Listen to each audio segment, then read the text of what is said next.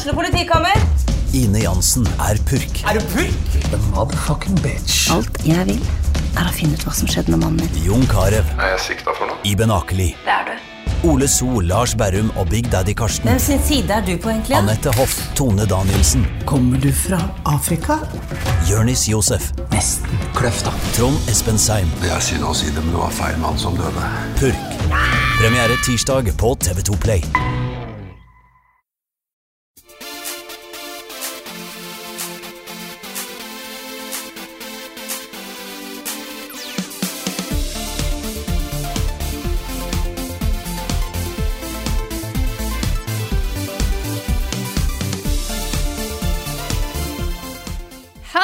Alle sammen, og velkommen til en ny episode av podkasten Level Backup med meg, Frida Danmo, og med meg har jeg selvfølgelig Karl Martin Hogsnes og Rune Fjell Olsen. Hallo, folkens. Hello. Hei, Frida. Når vi starter denne podkasten her, så må vi jo selvfølgelig nevne at vi har nådd 10 000 dollar på Patrion. Hell yeah. Oh yeah. Nei, det er helt sjukt. Det, er, eh, det var et mål vi satt uh, i utgangspunktet. Litt sånn Vi må ha et mål som er ganske høyt. Uh, vi kan ikke sette den for lavt, for da liksom OK, da er det for lavt. Eh, det hjelper oss ikke i det hele tatt. Eh, vi kan ikke sette det for høyt, for da er det uoppnåelige. Eh, Så vi satt det liksom et sted vi ikke trodde vi kom til å nå, i hvert fall på veldig veldig lenge. Det har jo gått ganske lang tid, da, nesten to år, men vi har runda 10 000 dollar på Patreon Nå skal det sies at det er ikke trukket ennå. Eh, Så hvis noen har lagt inn feil eller kortinformasjon, eller et eller annet, så, så blir det jo ikke 10 000. Vi Nei, ser jo Nei, det, det skjer faktisk ofte. Ja. Det, var, det var nesten 100 kort som fikk decline den forrige måned. Så ja, det er jo 10 så Ja, faktisk. Så um, Mm. vi vet ikke helt ennå om vi faktisk er på 10 000, men det, det ser jo sånn ut. Ja. ja, det er uansett utrolig, utrolig bra. Og det vi har funnet ut, er med litt sånn inn, innskrenkninger, også innstramninger, heter det. Eh, så, så er det på en måte uh, der vi ligger i forbruk i dag. Så det er det vi bruker i firmaet i dag. Hvis vi kutter litt her, litt her og litt der, så er det nesten der vi faktisk har brukt penger. For vi har brukt mer penger enn vi har hatt, fordi vi har uh, hatt litt sånn beholdning uh, på konto. Uh, og bare den følelsen av at vi kanskje trenger ikke å bekymre oss så mye over at vi bruker mer penger enn vi har, fordi nå har vi de pengene, Mm. det er ekstremt, altså. Ja, det er kjempe, kjempebra. Vi har fått litt spørsmål her, annet av Jens Pikenes på Patreon, som spør hvilke forskjeller kommer vi lyttere slash seere til å merke nå som dere har nådd målet om 10 000? Da har dere kommet til å merke at vi kan fortsette. Ja, det er egentlig bare det. Ja, det er, det er egentlig bare det, altså. Det er fordi eh, det er jo viktig for oss også å fortelle at eh, det er på en måte minimumsmålet. Altså, det er det minste vi kan klare oss med for å få det her til å funke. Men det er jo ingen av oss som har det fett økonomisk. Det er, det er ikke sånn at vi kan sløse masse penger på alt mulig rart og reise på etere og sånne ting. Vi, vi, vi, det er bare det minste vi trenger for å kunne overleve, uh, for å holde den drømmen her i live. da. Så vi trenger jo egentlig mye mer penger for å få en ordentlig bedrift av dette her. Men det er en utrolig god start, og bare det å ha det i bånn uh, når vi skal ut og prøve å tjene penger på andre ting, prøve å øke antallet Patreon-backere, alle de tingene der, det er helt uvurderlig. For en oppstartsbedrift som oss er det helt uvurderlig å ha det i bånn, og helt unikt, tror jeg, i norsk eh, sammenheng i hvert fall. Ja, det som er helt utrolig, er det at vi får inn alle de pengene på Patreon. Mm. Ja. Eh, fordi eh, vi har jo hele tida tenkt at Patreon er, Patreon er det viktigste, men vi må hele tida også jobbe med å få sponsorer. Vi må ha podkast-sponsor, vi må ha TV-avtale og sånne ting. Og det er ting som, har, som vi har jobba med, og som folk har jobba med for oss, eh, men som har tatt tid. ikke sant? Så det at vi faktisk har en sånn sikkerhetssum på Patreon som vi kan overleve med, det er dritkult. Det er kjempebra. Det er mange som eh, har spurt spørsmålet her, og blant annet Hans Ringstad på Patreon som spør hvordan føles det å nå 10 000? Og det er så fint, da. Det er så bra. Ja, det er helt, helt, øh, helt ekstremt. Og det som øh, Det som det betyr for oss rent faktisk, det er jo at dette er jo ikke et prosjekt vi bare sitter og suller med på egen hånd. Dette er noe vi gjør sammen med alle de 1000 pluss menneskene som backer oss på Patron. dette er et felles prosjekt, føler jeg da. Uh, og det at så mange støtter oss på Patron, med det vi kanskje ser mer på som abonnementsinntekter enn donasjoner, eh, det er jo at det er de vi lager innhold for. Og uansett hva som skjer i fremtiden med TV-avtaler, med hva som helst, sponsoravtaler osv., så, videre, så er det Patron-backerne vi lager innhold for. Det er, Hvis noe går på akkord med det, hvis noe uh, går på bekostning av liksom innhold de forventer å få fra oss, så kan vi ikke gjøre det. Så det er, dette er noe vi gjør sammen nå. Dette er, uh, Dere er både vår uh, aksjonærgruppe, eller hva man skal kalle det. Det er på en måte litt Patron-backerne som styrer skuta videre. da. det er de vi lager innhold for. Mm. Så ja. Vi kan ikke drive oss og plutselig slutte å lage spillanmeldelser på kanalen vår fordi vi skal selge de eksklusivt til noen andre, f.eks. Det går Nei, ikke. sant? Nei. Nei, det, det handler mye om det at det, det som vi har bygd opp nå siden vi gikk ut av VG, den YouTube-kanalen og podcasten og streams og sånne ting, det er på en måte Det er de vi er, Mm. og det er det som er hovedgreia vår, selv om vi eh, av og til gjør andre ting. da. Mm. Så selv om vi har hatt et eh, show på Kilden, selv om vi kanskje får et TV-program, så er det, det er ting vi har gjort i tillegg til hovedgreia vår. da. Nettopp. Så det er, eh, det er fokus framover Mm. også. Og neste mål nå er jo på 12 000 dollar. Da, da lager vi flere serier, Det gjør vi. så da gleder Mm. vi oss eh, til å se. Hva Vi kan har, det eh, bli? har mange ideer til andre serier. Vi har, flere, vi har flere serier planlagt, holdt jeg på å si, eller tenkt ut, og mange episoder og eh, planlagt. Så vi håper vi får mulighet til å gjøre dette her en gang. Mm. Mm. Håper det. Og så er jo det litt, litt mer langsiktige målet Det er jo at vi skal kunne ha muligheten til å ta ut en litt mer anstendig lønn. eh, eh, ha mer penger til Frida og Lars og Nick og Svendsen. Uh, og ha et litt, litt mer romslig sånn utstyrsbudsjett. Sånn at vi faktisk har muligheten til å holde litt tritt med utviklingen der. Kjøpe nye konsoller, kjøpe inn spill til testing. uh, kanskje reise på de viktigste tingene.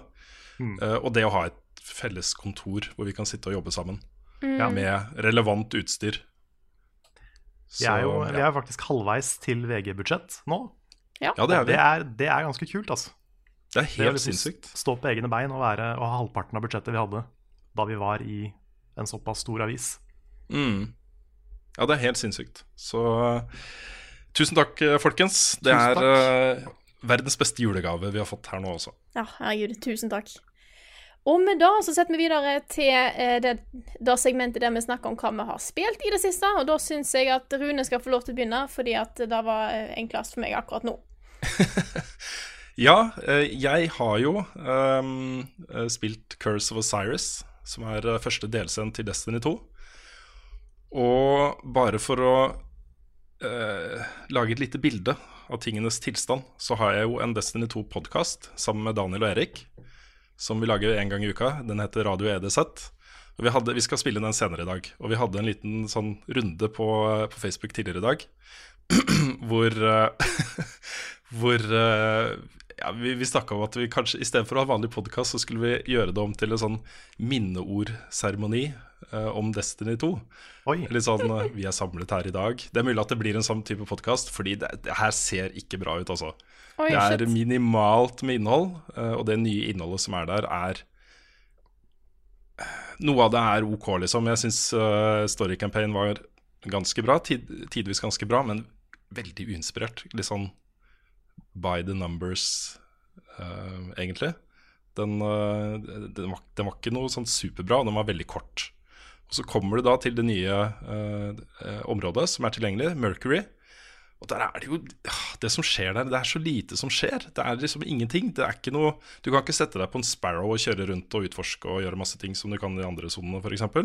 Det er ett public event, eh, bare lite grann. Og så har du den nye tingen som er Infinite Forest, som er en sånn vekst-simulasjon med uendelige muligheter. Det er egentlig bare en korridor som bringer deg fra eh, Mercury-huben til uh, et adventure-oppdrag, f.eks. Uh, jo, greit, det er random, og det, noen ganger så er det den type fiender, og noen ganger er det den type fiender, og, og sånt, men det er uh, ja, ja, det er en korridor. Du skal bare gjennom og skyte noen fiender, og så er du et annet sted. det er så mange sånne ting da som ikke er uh, verdt å bruke tid på, rett og slett. Eh, og nå kommer det flere endringer neste uke, eh, og på fredag eh, i dag så kommer eh, det nye raidet, eller et raid lair. Så jeg skal vente litt med å gi endelig dom på tingenes tilstand, men det ser ikke bra ut. Og jeg tenker at jeg kommer nok ikke jeg, altså jeg kommer til å grinde meg opp til max power level på én karakter. Jeg tror ikke jeg kommer til å gidde å gjøre det på de fem andre. Så eh, ja, det blir tid til å spille andre ting. F.eks. Minecraft, som jeg jo er fullstendig inne i nå. Graver meg dypere og dypere inn, både eh, bokstavelig talt og i overført betydning, inn i denne verden her. Uh, leiter etter diamanter og utforsker uh, Nether og uh, dreper Endermen og uh, jobber med enchantment table og sånne ting, liksom. Ja. Jeg har det så gøy. Jeg har det så gøy. Det er så morsomt. Jeg er ordentlig gira. Så, så takk skal du ha, Carl. Dette var en, et funn. Ja, det er gøy. Det er, det er kult å liksom treffe litt noen ganger. Mm. Det var jo, vi hadde jo en legendarisk hit med Bloodborne. Yep. Så nå har vi hit had- nummer to, virker det som. Jeg hadde ikke trodd at den store hiten nummer to i Filmetull for Rune skulle være Minecraft. Nei, det Ikke tror jeg heller. Ikke jeg heller. Jeg har ikke vært i nærheten av å se på Minecraft som et spill jeg skulle bli så glad i. Det er veldig rart, altså. Men jeg tenkte, jeg tenkte litt på det, fordi jeg tenkte én av to ting kom til å skje. Enten så ville du liksom gjøre, gjøre den tingen jeg ba deg om å gjøre i denne episoden, og så legge det fra deg for alltid. Mm. Eller så ville du bli sånn som du har blitt nå. Ja. For Minecraft er enten-eller. Ja. Det er det, er det også. Jeg, det jeg fuckings elsker med det spillet her, er at uh, systemene henger så utrolig på greip. At, og det, det der med å finne de riktige materialene for den ene tingen du skal lage, uh, som du trenger for videre progresjon i spillet. Alle de tingene, alle de systemene, hvordan fiender oppfører seg, hvordan du kan øh, slåss med fiender, hvordan du kan øh, farme dyr og øh, hvete og alt mulig rart.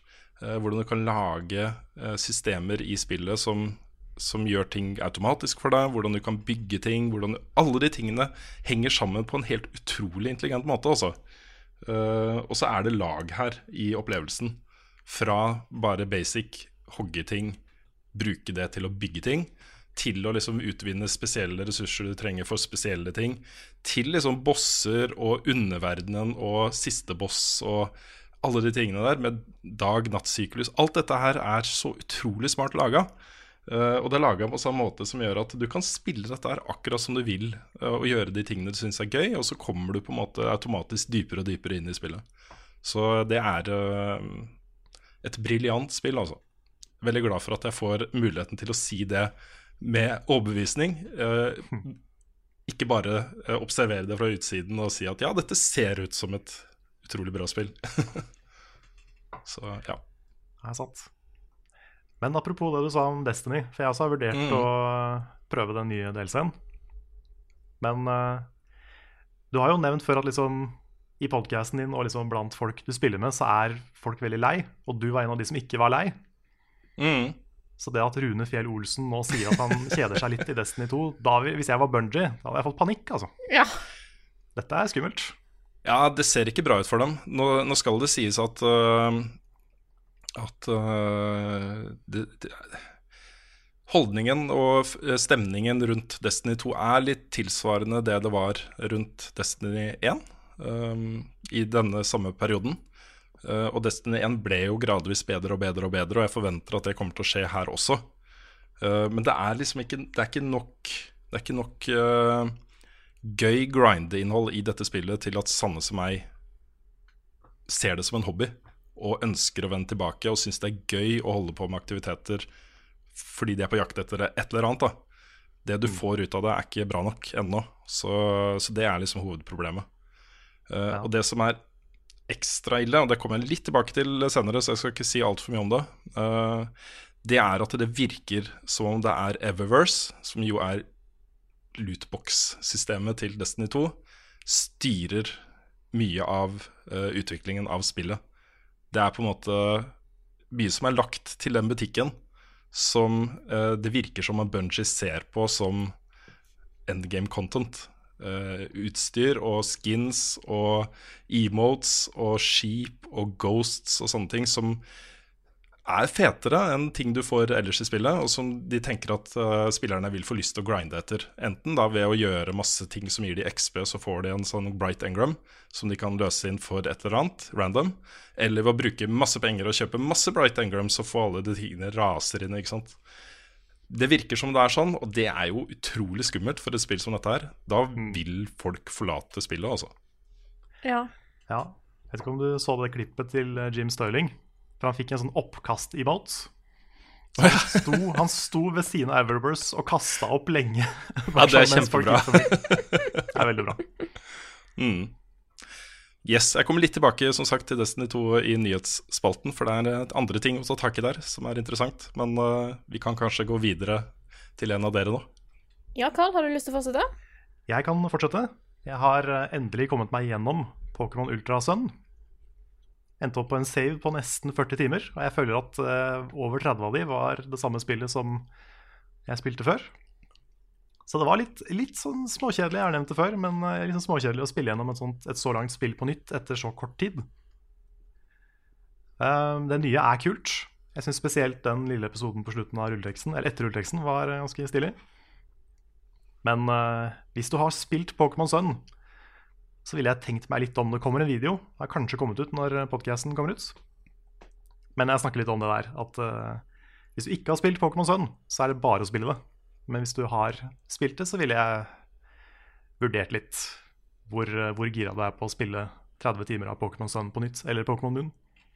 Ja. Så um, litt, litt blanda følelser om det. Men eh, jeg har også endelig fått begynt på Horizon. Oi! Oh yeah! Og det Jeg skjønner at jeg har gått glipp av noe allerede. Jeg har ikke kommet så langt. Mm. Jeg har bare så vidt eh, gjort et par sidequests. Kommet til eh, den første natta, hvor du skal, du skal jakte på en sånn ny maskin. Så um, Nei, jeg liker det veldig godt så langt. Eh, det ser utrolig pent ut. Veldig fin musikk. eh, kul verden. Det er godt tegn at jeg begynte å gjøre sidequests med en gang. Ja. Fordi da er jeg liksom allerede litt investert. Mm. Så det er kult. Og så skjønner jeg hvorfor alle prater om Aloy. For hun er kul. Mm. Hun er dritkul. Så um, Nei, jeg gleder meg til å spille mer. Ikke fått spilt så mye, men det er uh, veldig lovende so far. Kanskje, kanskje det kommer på topp ti i år. Jeg kan komme med et lite tips da til uh, videre progresjon i spillet. Fordi okay. hvis, du, hvis du får den derre 'jeg må gjøre sidequests'-tingen i det spillet her, så er det en, en seksjon, uh, sånn midtparti, som er ganske langt, hvor det er fare for at du kan gå litt lei. Ok, Uh, hvor sidequestene blir litt like hverandre og, og sånne ting.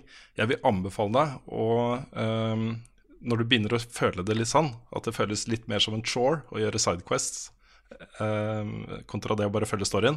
Følg storyen en stund, begynn å nærme deg slutten, og så kan du eh, åpne opp igjen og begynne å gjøre sidequest.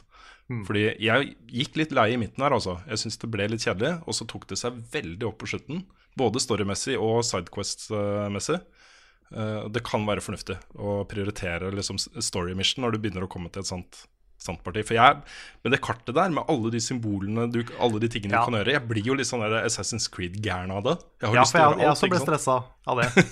Så fort jeg bare, Første gang jeg åpna mappet, og det var allerede sånn 20 symboler Mm. på det lille stedet du starta. Det, sånt er litt mye, syns jeg. Ja. Men um, jeg prøvde å ignorere det og bare gjøre de viktige tinga. Mm, ja, det er bra. Men øh, nei, veldig, veldig godt førsteinntrykk. Så likte jeg stealthen i det. Mm. Og det ble jeg litt overraska over, for det er så mange spill som ikke er så gode på stealth. Men øh, det her funka ganske bra. Mm. Det var litt sånn Assassin's Creed, bare jeg følte jeg hadde mer kontroll. Mm. Så um, stas. Jeg er uh, noen måneder for seint ute, men uh, anbefales. Ja, jeg er noen år for seint ute med Minecraft, så det går bra, Carl. ja, ikke sant? Men, uh, men det er kult da, å liksom begynne på, fordi nesten alt jeg har spilt i 2017, har vært oppfølgere. Så det er gøy å liksom begynne på noe som er nytt. Mm. Så spillet er ikke nytt, men, men det er en ny serie. Mm. Og det er, det er litt deilig. Bare bli introdusert for noe helt nytt. Absolutt. Så uh, veldig positiv. Ja. Da, That's me. da ble det litt stilt, så da regner jeg med at det var på tide at jeg skulle komme inn og eh, ta over. Mhm. That's your cue. Yes. Men jeg har jo fortsatt på eh, Xenoblade, og jeg blir mer og mer glad i det etter hvert som jeg spiller nå.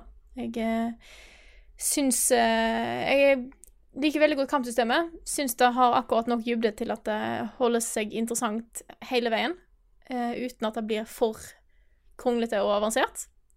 Eh, har mer og mer sansen for karakterene, og syns at historien begynner å utvikle seg i, et, eh, i en kul retning, så vi får se hvordan dette her eh, avsluttes. Eh, jeg trenger ikke snakke så mye om det. Jeg har jo spilt en del eh, Jeg fortsetter jo på Animal Crossing Pocket Camp. Eh, Begynner å jobbe meg opp mot disse her eh, Disse tingene som har blitt vist i trailer og sånt som sa at dette må du spille lenge for å få til.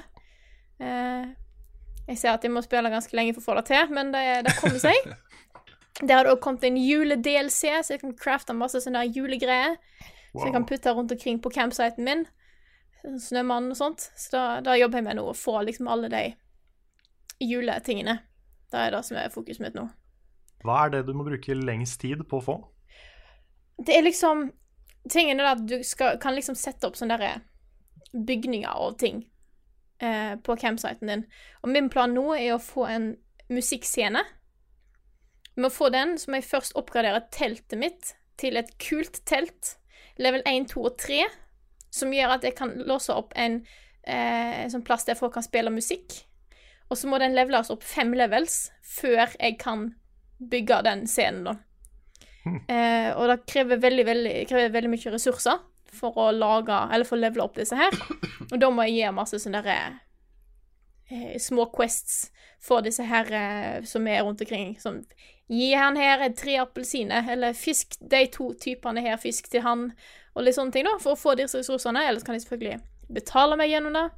Eh, men da har jeg bestemt meg for at det skal jeg ikke gjøre.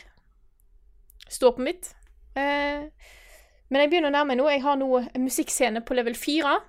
Så jeg bare får mus nei, den første musikkdelen på level 4, så jeg må få den til level 5. Så kan jeg bygge en musikkscene. Da, da blir det bra. Så det er stort. Ja, det, det høres ut som det er litt skummelt å begynne med det her. Sånn, jeg vet ikke om jeg har tid til det nå, altså. Men Det er veldig vært- Altså, jeg bruker veldig lite tid på det sånn, egentlig. Det er mest at eh, eh, Altså, Quest og sånt oppdateres hver tredje time, tror jeg det. Uh, så jeg sjekker innom, innimellom bare sånn OK, nå kan jeg Jeg har de sommerfuglene som han vil ha, da kan jeg gå bort der og gi han det, og samtidig fiske litt, sånn at jeg har den fisken som han skal ha, og så har jeg plutselig gjort det i Questen jeg skal gjøre, og så Ja, da var det ikke mer å gjøre, da får jeg vente et par timer. Så det er liksom Det er veldig greit sånn spill for å spille litt sånn innimellom. Mm. Hvis du sånn, plutselig har det sånn OK, jeg må vente på at dette her blir ferdig, da kan jeg bare åpne og se om det har skjedd noe nytt. Jeg bruker det egentlig bare som en erstatning for Reddit akkurat nå. I kombinasjon med Reddit. Eh, ja. Ja. Som er Jeg sånn får litt sånn uh, assosiasjoner til da vi spilte Cityville på skolen. Skulle analysere Cityville. Men det, det her høres ut som en liksom mindre, mindre skummel Cityville. da. Fordi Cityville var mye av det samme, men du måtte spamme venner eller bruke penger etter hvert. ja. Så um, fint at du ikke har den delen, da. Ja. Med vennespam og sånn. Ja, nei, da slipper jeg. Det fins en ting der som du kan gå til en sånn quarry for å få tak i både penger og noen ressurser. Og da må du spørre etter hjelp fra fem andre venner. Men det, er liksom, det kommer ikke opp som en notifikasjon om at den personen trenger hjelp. Da må du gå inn på friendlisten din, så ser du at ja, den har et ikon som at han trenger hjelp. Da kan jeg hjelpe, og da får jeg penger tilbake igjen. Eh, så det er ikke noe sånn intrusive med at jeg får hele tida notifikasjoner av at andre uh, sier 'hei, lyst til å hjelpe meg', eller 'hei, hei, hei, hei'. hei. Nei, sånn, sånn er det liksom ikke. Og det er veldig greit. Ja. Hva skjedde med Facebook-spill? Er de bare helt borte? Jeg får fortsatt noen varsler innimellom, men jeg har liksom stengt vekk Ja, alt. ok. Ja, eh, fordi sånn at jeg ikke skal jeg få fått- notifikasjon av det. Jeg tror ikke jeg har fått en eneste sånn spillnotifikasjon på to år eller noe. Nei, det er samme her. Jeg har ikke tenkt på det. Det er jo interessant eh, spørsmål, Karl. Mm. Det var eh, mange store businesses som eh, gikk under pga. Ja. fallet der, inkludert et veldig stort norsk eh, selskap. Ja. Som, ja. Mystisk. Og litt bra. Og litt bra, altså. Det er mye, mye dritt på Facebook.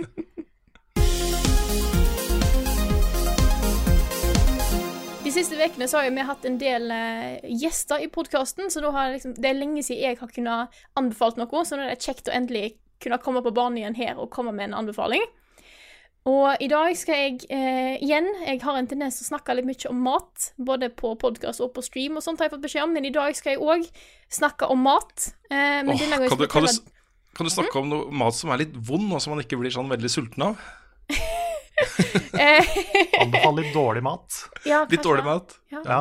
Nei, i dag skal jeg lære dere hvordan dere kan lage bra mat. Fordi at jeg har nemlig funnet eh, en YouTube-kanal som har lært meg å lage bra kinesisk mat. For det er ingenting Oi. som er bedre enn kinamat. Her spiser jeg Eh, ørene. Her spiser jeg ørene. Ja. Fordi at dere vet at det, det er en ting når du kjøper kinamat på kinesisk restaurant, og det er alltid at kjøttet er så sinnssykt mørt. Alltid. Det er sånn Uansett hvor du er, så er det alltid kjempemørkt. Og jeg har funnet ut hvordan du gjør det. Og det er Oi. super, superenkelt. Og det, det består av at du legger eh, Du kutter kjøtt veldig, veldig tynt på tvers av der liksom muskelfibrene går. Legger det i en blanding av vann og natron Wow. i en halvtime. Marinere det. Og da liksom Da gjør at det blir sjukt mørkt, og så kan du marinere det med litt eh, eh, Litt krydder og litt eh, eh, maisenna og sånt etterpå. Det som er kult, er at dette fins på en YouTube-kanal som heter Sue and Gambo. Eh, som viser deg både hvordan du skal marinere eh, og tenderize kjøtt. Eh, I en video som heter How to marinate, marinate and tenderize beef stir fry. Eh, funker òg på kylling, can confirm.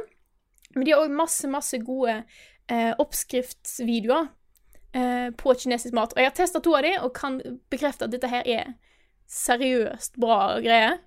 Eh, jeg lagde både Sichuan kylling og kantonesisk beef chow mein, som er med nudler. Nå og er jeg smaker- sulten igjen, Frida. Ja, Nå jeg sorry. sulten Jeg spurte, jeg spurte han lov på dette her Ja, på forhånd. Ja, du spurte det var greit. Jeg trodde at jeg skulle være sterk nok til å håndtere det. Men nå er jeg sulten igjen, altså. Men jeg kan faktisk si at dette her eh, smaker akkurat som om du skulle vært og betalt for maten. Eh, og et triks jeg har funnet nå, er da at det er en ting som heter mørk soyasaus. Som er veldig, veldig mørk soyasaus, som er faktisk litt søt. Det er den som gir den veldig fine, mørke, dype fargen. Eh, og veldig karakteristisk til smaken, da, syns jeg, til, til kinamat. Så prøv å få tak i det på en sånn asiatisk eh, forretning nær deg. Eh, og følg oppskriftene til Su en Gambo, og så blir, det, så blir det dritbra. Det er sånn her Nesten sånn Frida garanterer. Det her skal jeg overraske kona med en dag. Jeg skal ikke si noe om det, og så skal jeg bare gjøre det. Ja. Eh, Kan, kan jeg få lov til å komme med et, et, eh, ønske, et ønske, Frida, neste gang du skal snakke om mat? Ja. Kan du ikke finne ut hvordan lage skikkelig god ramen også? Så, så er det Ja, det har jeg lyst på. Kan du Ja. finne, ut, finne ut det, please? Jeg skal, teste, jeg skal teste ut litt, og så skal jeg komme tilbake til det. Ja, det er bra. Nice. Til frokost i dag så lagde jeg to knekkebrød med gulost. ja. Så eh, kan også komme en anbefaling om å lage noe mer spennende frokost enn det, for det er veldig kjedelig. Mm. Jeg hadde skjev med brunost til frokost. Det var helt greit. Brunost er faktisk enda litt mer spennende enn gulost. Ja, Brunost det- det- er litt sånn sexy. Litt sånn, Ja, eh, Det er påleggenes lille feisty rødtopp. Jeg har aldri hørt noen beskrive brunost som sexy, men eh, OK. Sure.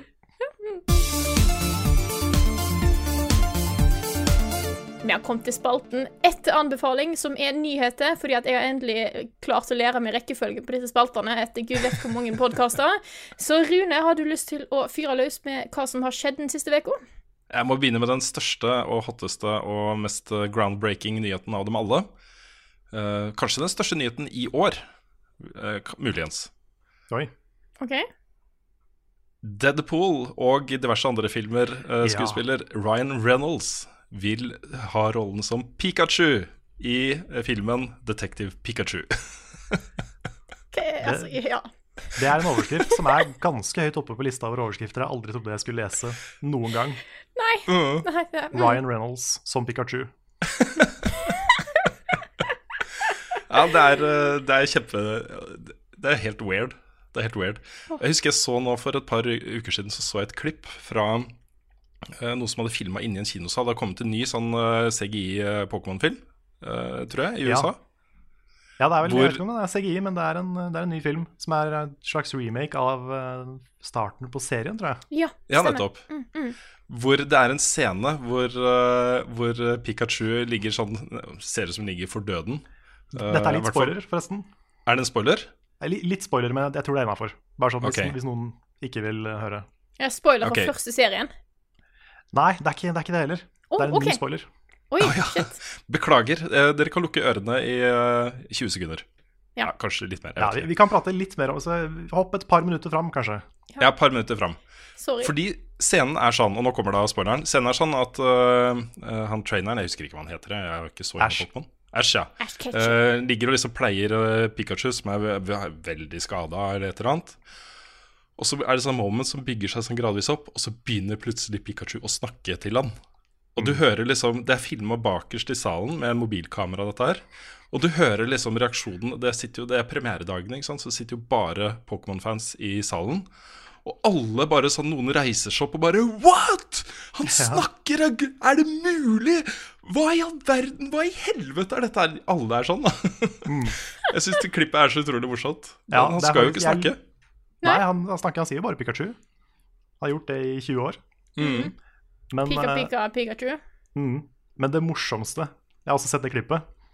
Det morsomste, Da lo jeg høyt når jeg så det. Fordi um, Pikachu begynner å prate, og så hører du en dude For det er jo bare voksne folk. Og du hører en dude som bare reiser seg opp og bare What the fuck?! og det, er bare, det tonefallet hans Det er noe av det beste jeg har hørt som respons på at Pikachu prater. Ja, ja, ja. Så det er, det er noe av det morsomste jeg har hørt på internett. Bare reaksjonen til han duden. Ja. Og så er det litt gøy fordi eh, filmselskapet, eller om det er Pokémon Company, det vet jeg ikke, har jo etterkant gått ut og sagt at uh, ja, eh, det er riktig som dere har sett at det kommer uh, setninger fra Pikachu, men man kan se det som en indre, uh, indre monolog. At han egentlig ikke sier det, men at det er på en måte det som Ash kanskje forestiller seg at han hører. Et eller annet sånt, da, en sånn utrolig vag, Ja, utskilling. dårlig tror det er noe sånn, det er noe sånn der mind-illusjonsgreier som foregår der. Ja. Så det er en eller annen forklaring. Men, Mm. uh, men jeg, tror- jeg tror ikke Pikachu kan prate fortsatt, egentlig. Men, Nei. men Meowth er jo en Pokémon som faktisk kan prate. Men han har jo backstory til hvorfor han snakker, og den er Ja. helt grei. Den er, den er liksom, det er bra backstory. Mm, sant. Greit. Men Ryan Reynolds blir da altså Pikachu, det blir gøy. Altså For å være helt ærlig, jeg så den overskriften før i dag, men da må jeg bare glense forbi den og tenkte at det sto at Ryan Reynolds skulle være i filmen. Jeg hadde Ja. ikke fått med meg at han skulle være Pikachu før nå. Så det var interessant. Ja. Nå er jo eh, Detektiv Pikachu er jo en litt sånn annen ting. Det er jo en sånn krimgreie som jeg tror er noe humoropplegg. Mm. Jeg kan ikke skjønne noe annet, fordi den japanske stemmen til Pikachu i den er jo kjempemørk. Ja. Han er jo sånn der, eh, litt, sånn der grizzly eh, noir-detektiv. Så de har jo kanskje prøvd å gå for noe, noe i den duren. Jeg vet ikke. Mm. Men jeg ser jo mange er skuffa over at ikke det er Danny DeVito. Og jeg også er litt skuffa over at ikke det er det. ja. Det kunne vært så bra. Ja. Jeg hopper videre til eh, en nyhet som jeg lovte jeg skulle snakke om tidligere i podkasten. Um, Vi skal tilbake til Destiny 2. Og en annen ting da som Bunji har gjort nå som er eh, helt høl i huet, er at um, nå må du ha uh, Curse of Osiris delscenen for å på en måte fullføre spillet. Uh, og med det så mener jeg at uh, noen av spillets trophies er nå låst bak prestige-aktiviteter. Og eh, power-capen på prestige-aktiviteter er økt fra 300 til 330. Så det vil si at eh, hvis du ikke kjøper Curse of Osiris, så kan du ikke få platinum i spillet. eh, med mindre du da har gjort det før uh, delscenen. Og du kan ikke få et av spillets aller aller beste og feteste våpen, som er eh, Shotgun Legend of Acris. Der må du fullføre prestige-aktiviteter for å kunne få den. Og det er jo Hva er det de holder på med her, liksom? Hva er det de gjør her? Jeg skjønner ikke helt greia. Det er jo på en måte en Dette er ikke en delelse. Dette er en uh, uh, Når de låser innhold bak dette her på den måten, så burde det bare vært en gratis oppdatering. Og særlig når, når det virker som om mye av det er fordi det skal komme nytt innhold i øh, butikken, Eververse. Men har de altså låst ting som, eh, som før var åpent? Ja, poenget er at hvis du nå går ut og tenker at jeg har lyst til å spille Destiny 2, og så kjøper du Destiny 2, eh, og så vil du da etter en stund finne ut at vet du hva, jeg kan ikke få platinum i det spillet her, med mindre jeg eh, også kjøper delscenen. Det er ikke helt bra, altså. Nei. Veldig rart. Men jeg har reagert litt på det før òg, at eh, det Bungie gir ut som betalt DLC, det er jo Noen ganger så er jo det mindre enn det du får i content patcher i andre memoer. Mm. Så det, det, er litt, det er litt dårlig, det der, altså. Ja, altså Forskjellen er jo ofte så kommer det et nytt raid, og det gjør du her også. Og som jeg nevnte tidligere, så skal jeg liksom vente litt med å uh, gi endelig dom til Curse of Osiris før jeg får testa Raidlair. Men uh, Men det er, det er ting som ikke er helt bra her, altså. Det er ikke, det, dette er en praksis som jeg ikke kan stå inne for. Her uh, må det skje ting. Ja. De ble jo ferska i den der rare XP-greia òg. Mm. Ja, det snakka vi litt om forrige uke, eller uka før der, husker jeg ikke helt. Ja, vi gjorde kanskje Men, ja. Det er, eh, det er ikke Ja, det er ikke alt som lukter godt her, for å si det sånn. Mai. Nei, absolutt ikke. Men vi kan gå videre til noe mer uh, hyggelig. Og med mer hyggelig så mener jeg mindre hyggelig. Fordi i England, så, eller i Storbritannia, så har nå de britiske tabloide mediene uh, oppdaga Detroit Become Human. Og denne scenen hvor uh, uh, hvor eh, du får eh, innblikk i eh, et ganske dystert familieliv. En eh, eh, voldelig eh, far som eh, misbruker dattera si, eh, og er generelt egentlig helt forferdelig. Og hun dattera har det helt forferdelig. Og midt i dette her så står da du som spiller uh, og styrer en androide, som er der for å være hushjelp uh, og barnevakt. uh, men hvor det utvikler seg til at du får kontroll over utfallet av denne scenen. Om det går bra med jenta eller ikke. Eh, og kritikken går jo på at uh, dette hører ikke hjemme i spill i det hele tatt. Uh, det er ganske kraftige reaksjoner på at det trivialiserer et veldig alvorlig tema. Og ikke minst at barn får, tilgang til et mørkt tema som underholdning. Jeg tror dette kan bli en ganske stor ting, i hvert fall i Storbritannia. Jeg, mistenker at det kommer til å spre seg til andre land også. Fordi eh, folk har jo et inntrykk av at spill er et sted hvor man bare får lettbent underholdning, og hvor alvorlige temaer ikke er eh, en del av pakka, liksom. Eh, mens vi som spillere sitter jo der og er litt sånn glad for at spill kan ta opp andre temaer enn det som man er vant til. Kanskje litt mer alvorlige ting. Så ja, her er det mulig å ta en ganske lang debatt. Jeg vet ikke om vi skal gjøre det her nå. Hva syns dere? Har i hvert fall en én kommentar som jeg har lyst til å ta. Mm. Og det er at dette vil jo være veldig avhengig eh, Det er vanskelig å si noe om dette her uten å ha på en måte sett hele eh, Eller og spilt spillet og vet, vet hvordan dette her faktisk blir framstilt. Mm. Men jeg vet at hvis et sånt mørkt tema hadde blitt tatt opp i f.eks. film eller i bok, så hadde det ikke vært en diskusjonssak i det hele tatt. Og det var sånn, ja, OK. Selv om unger like lett kan få tak i en film og se et sånt mørkt tema der. Mm. Eh, det er en grunn til at aldersgrenser blir satt både i film og spill, liksom. Jeg bare syns at det er liksom Ja, nei, nei, det er liksom det, Siden det blir tatt opp i spill, så er det ikke greit. Da syns Jeg- det er en rar måte å ta det på. Ja, jeg vil gjerne forsvare eh, eh, retten til å ta opp hva man vil av temaer i spill, som i alle andre medier. Og så, Mm. uh, det er et uh, tegn på modning for hele media at spill ikke bare skal være gøy. Det skal, skal også kunne gjøre litt vondt, og det skal kunne få deg til å reflektere over temaer som er ganske forferdelige.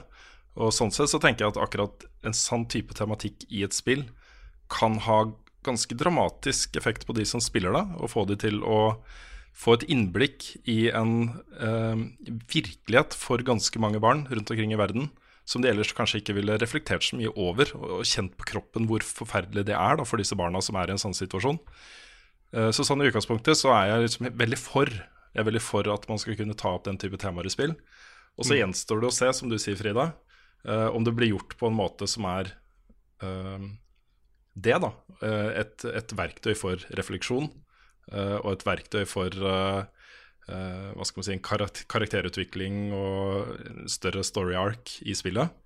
Eller om det er litt sånn ja, jeg vil bare skape litt reaksjoner uh, ved legger inn litt misbruk, så føler folk masse, ikke sant? Ja.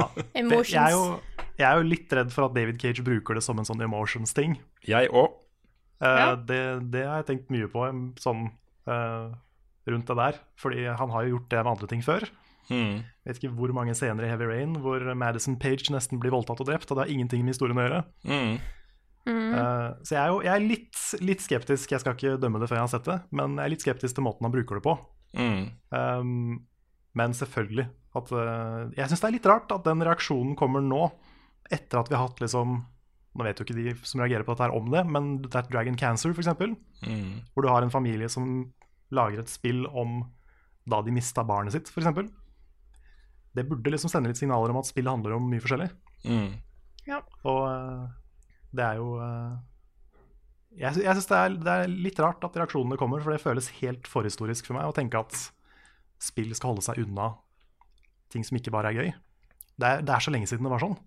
Jeg tenker også da at eh, det er Hvis du skal ta opp et vanskelig tema for å kunne påvirke folk, og få folk til å innse de problemene vi har i verden, og få gjort noe med det og gi verden til bedre sted og alt dette her, og faktisk få folk til å kjenne litt på disse her problemene, så er jo et interaktivt medie som spill den perfekte plassen å gjøre det på. Mm. Det er helt sant. Sånn som uh, Jeg har brukt det eksempelet før, men sånn som Papers, Please. Ja. setter deg i en situasjon hvor du er en grensekontrollør. Du, du kan ikke gjøre det på en annen måte. Det er liksom I et spill så blir du plassert i den rollen. Du får føle på kroppen hva det er for noe. Det er helt unikt for spill å kunne gjøre det. Mm. Så eh, ja. Jeg vet ikke. Det er kanskje fordi vi er så inne i spill fra før at eh, det er rart at de reaksjonene fortsatt fins. Men eh, jeg, jeg, jeg trodde liksom at vi var litt forbi det. Ja. Vi er ikke det. Nei, Vi får se hvordan det går eh, her i Norge. Det er mulig at debatten har modnes lite grann. Eh, Ja, jeg, vet tror ikke. det. Jeg tror kanskje jeg er naiv som tror det, men jeg tror det. Jeg føler i hvert fall at mediene har blitt kanskje litt flinkere til å ringe folk med motstridende eh, meninger og holdninger til spill, hvis de først skal lage en negativt vinkla sak om spill. Eh, Mm. At man kommer litt lettere til orde og har eh, litt mer, flere muligheter til å, til å uttale seg. Det, det føler jeg. Så da blir kanskje ting litt mer nyansert. Greit. Det kan bli en spennende sak å følge videre, i hvert fall. Um, det skjer jo ting i Norge som også er eh, interessant. Denne lootbox-saken som ble utløst av eh, progresjonssystemet i Star Wars Battlefront eh, 2, eh, har på en måte eh, kommet til Norge også, hvor, eh, hvor eh, eh, venstrepolitiker Abid Raja har eh, bedt regjeringen rett og slett om å se på lootbox-problematikken.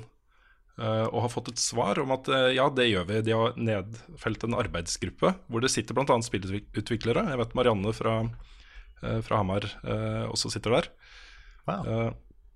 Som skal se på spill som opererer i grenselandet mellom pengespill og spill. Altså den type problematikk da, knytta opp mot Lotteritilsynet og sånne ting. Eh, så det er liksom satt litt på agendaen i hvert fall. Vi får se. Det skal komme et nytt lovforslag også, sier da eh, kulturministeren eh, som et svar.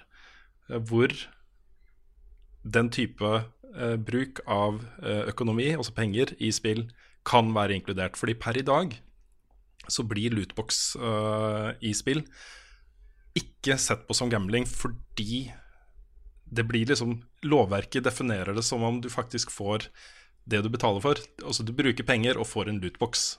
Så du har fått noe, og i den lootboxen så er det noe. Um, det tar ikke høyde for at det innholdet i den lootboxen kan være alt annet enn det du har lyst på. Uh, og at du kanskje må kjøpe 100 lootboxer før du får den ene tingen du har lyst på. Um, Ja, det, det argumentet jeg er litt tynt, det med at du får en boks uansett. ja. For det er jo litt som å stikke på en lekebutikk og kjøpe en ting, og så får du noe helt annet i boksen. mm. Vi fikk ikke leke. Er liksom. Mm. Ja, nei, men det, dette handler jo om, eh, om eh, lovtekst. Uh, og i lovtekster så må det være ganske nøye definert hva den skal uh, inkludere. For at man skal kunne bruke den aktivt i en rettssak, altså i en rettssal. eh, så må den være spesifikk. Den kan ikke være rund, eh, og den kan ikke være rom for tolkning. Så her, hvis det skal reguleres, bruken av lootboxer og mikrotransaksjoner og gambling-lignende mekanikker i spill, så må det defineres ganske tydelig eh, nøyaktig hva det er det skal regulere. Så, eh, så selv om man er uenig da, i definisjonen, så er lovteksten av en sånn art at man skal, kan kunne tolke den dit. Eh, og Derfor så må den eventuelt endres for at man skal kunne gjøre noe med det. Ja. Det er i hvert fall ting som tyder på at dette kan bli løfta opp nå på et litt høyere nivå, og at det kan bli diskutert, og at det kan komme uh, reguleringer både på norsk og europeisk eh, nivå. Så, så det er interessant. Mm. Det blir spennende. Mm. Jeg så det var, det var mye diskusjon om det på Level Up Community også denne uka her. Så eh, interessant å lese. Mm. Det er, jeg ser det, er- det er mange som, som sammenligner det litt med sånn Magic the Gathering og Pokémon-kort og sånn. Ja. Eh, Det er for så vidt en ganske bra sammenligning. Jeg tenker at kanskje fordi det har blitt så stort, fordi det er Star Wars, fordi det er EA, så legger folk merke til det nå. Mm. Eh, Det har i utgangspunktet egentlig aldri vært greit, tenker jeg, da. Mm. Det å kjøpe litt sånne random ting hvor ikke du vet hva du får. Du kan risikere å få crap. Mm. Jeg vil jo heller ha en verden hvor du kan velge litt mer hva slags Pokémon-kort du kjøper, f.eks. Ja. Um, for å liksom ta den, den biten. Men Mm. Nei, det, er, eh, jeg synes det er kult at det diskuteres i community. Da. Det er, virker, som eh, en sak som har engasjert veldig mange. Mm. Eh, Jeg har mange nye saker, så vi må nesten rase litt videre. Oi, ja. Det kommer et nytt Megaman-spill, Megaman 11. Og Yeah. det ser innmari fett ut. Det ser ut som de tar direkte utgangspunkt i 2D Megaman, og bare får det til å se freshere ut, rett og slett. Jeg er veldig glad for at de valgte den stilen. Mm. Fordi eh, nå fikk vi to eh, Megaman 9 og 10, var jo 8-bit. Mm. eh, som en sånn callback til eh, de aller første. Men jeg liker at ikke de gjorde det igjen. At de nå liksom faktisk lager et HD-spill med moderne 2D-grafikk. da. Mm. Syns det kler eh, serien veldig bra. Ja, det ser, det ser ordentlig bra ut. Eh, og samtidig så kommer også hele Megaman X-serien til eh, dagens konsoller. Så det er jo 30-årsjubileet til Megaman som er foranledningen til alle disse slippene av nyheter om Megaman. Men det hadde jo vært kult hvis det kom et nytt Megaman-spill som var dritbra.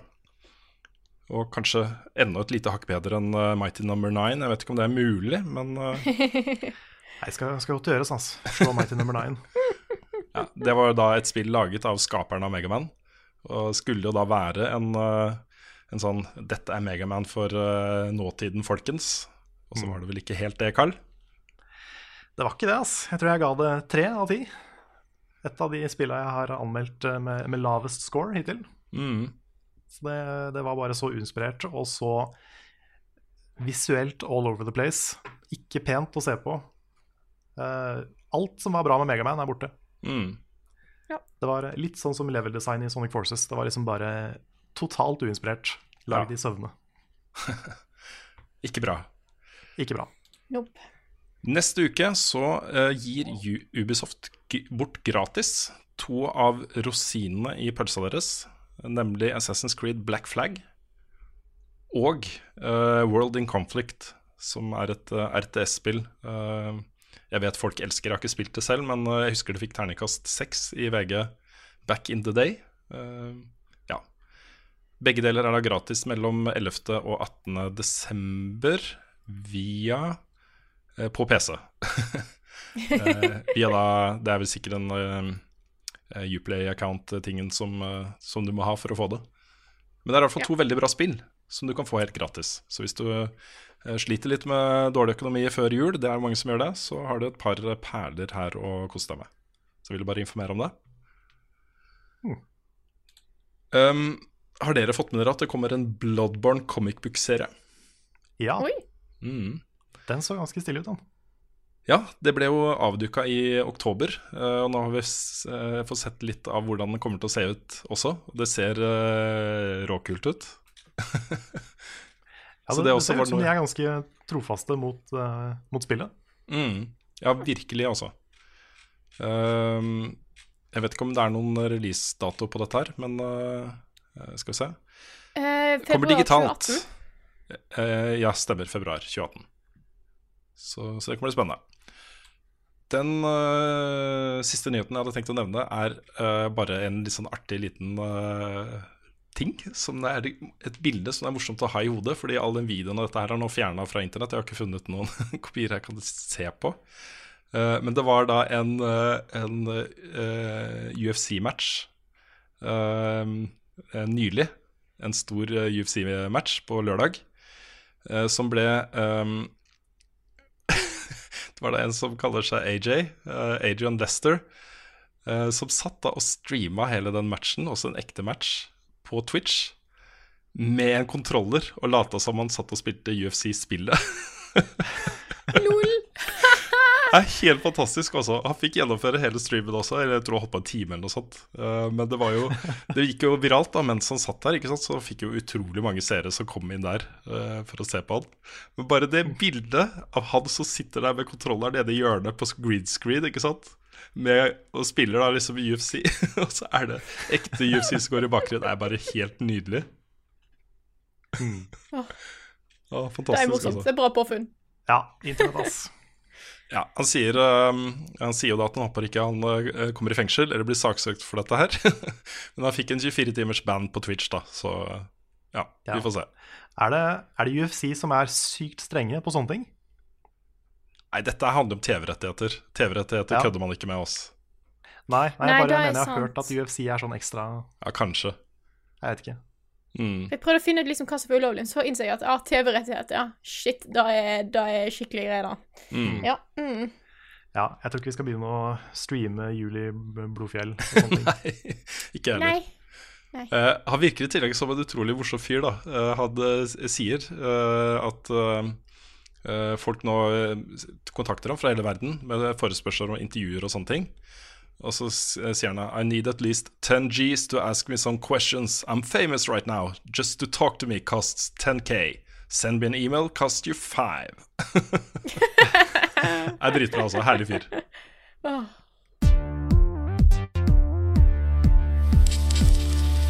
Siste spalte i dagens podkast er som vanlig spørsmål- og svarspalten, og vi begynner selvfølgelig med ukens spørsmål. Ingen vignett i dag. Nei. Nei. Du, du, du, du, du, du, du. Ukens spørsmål. Ja, kanskje du skal ta over, Karl? Supert! Nå har Karl fått Ja. ansvaret for vignett Yes, framover. Herlig. Var det det som skjedde nå? Det var det som skjedde. Ja, jeg skal prøve å finne en sånn Kanskje jeg skal kjøpe en sånn soundbank jeg skal begynne etterpå. Ja. Ja da. Jeg skal se hva jeg får til. Mm. Så kan Jeg kan jeg... kjøpe sånn der kylling sånn som lager sånn helt forferdelig lyd. Mm, Ja. Det kan jeg gjøre. Gjør det. Ja. Nei, jeg, jeg skal ikke gjøre det. Jeg skal ikke gjøre det. Don't worry. Nei, men nå har du fått ansvaret. Gratulerer. Takk. Men da, takk. Her er da ukens spørsmål, eh, som er fra Erlend D. Nygaard på Patreon, som skriver Tenker litt på spilljournalistikken som en helhet de siste par årene. Pressfire ble lagt ned fra Dagbladet, Level Up ble på mange måter òg kutta fra VG. Virker som denne type journalistikk blir nedprioritert i de store landsdekkende institusjonene som VG, Dagbladet osv. Selv om YouTube og uavhengige, som dere sjøl har tatt Selv om YouTube og uavhengige, som dere sjøl har tatt over for ja. Som dere sjøl har tatt over for mye av denne dekningen, så mister vi en offentlig stemme som f.eks. filmindustrien har, samtidig som påvirkningen fra spillselskapet kan være med på å forme uavhengige spillkritikere og YouTube-kanaler på en negativ måte. I det store og hele kan det konkluderende spørsmålet være hva negativ eller positiv eff ja, effekt har denne utviklingen av spilljournalistikk som en helhet? Langt spørsmål, og tror jeg klarte å uttale alle ordene i det, det spørsmålet. Jeg må begynne med en liten presisering som jeg har fått direkte fra Jarle i Pressfire. Eh, De ble ikke lagt ned. Det er, jeg tror det er viktig for dem at det kommer eh, klart frem at de ikke ble lagt ned, men at de selv valgte å slutte i Dagbladet. Um, og det var jo fordi de ikke fikk den satsingen, tror jeg, som de, hadde, uh, som de ønsket, og som de så var nødvendig for å uh, holde på videre. Men mm. de ble ikke aktivt lagt ned, bare så det er nevnt. Um, Hmm. Ja. Men veldig, veldig bra spørsmål. Ja, kjempespørsmål. Og det, er går rett inn Som vi, ja. som vi tenker mye på. Mm, ja, det går rett inn på hvorfor vi er her i dag. eh, og hvorfor vi sitter og feirer eh, 10 000 dollar på Patreon og alle de tingene. Nå vet vi jo at uh, NRK har noe på gang som er interessant. Fordi en av de positive tingene som, som kan komme ut av at spillet har fått mindre plass i rikspressen, er jo at det skaper rom for nye aktører til å komme inn og gjøre kule ting. eh, og nå et marked som per i dag er eh, eh, ikke metta, som ikke får det innholdet de har lyst på. og som er blitt flytta og segmentert ut i mange andre kanaler. Mye av det til utlandet, noe av det til sånn som oss. Eh, men eh, den generelle liksom, diskusjonen om spill i offentligheten er jo borte. Eh, og da er det et rom for aktører som NRK og TV 2. Jeg, har hørt rykter om at de er i gang med et eller annet, de også. Å komme inn med noe nytt som kan ta over litt den stafettpinnen, da. Den andre positive tingen er jo at, at vi kan holde på som vi vil, og så skape det produktet som vi ønsker å lage. eh, skape det innholdet vi ønsker å lage for det publikummet vi ønsker å nå, på våre egne premisser.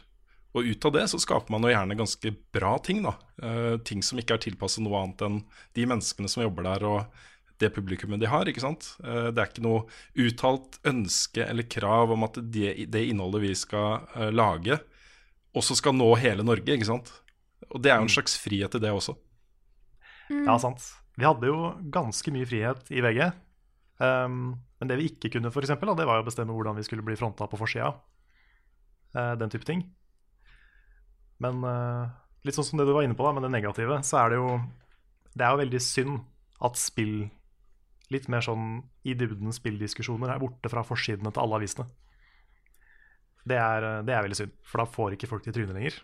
Og jeg tror verden har godt av at vi får litt mer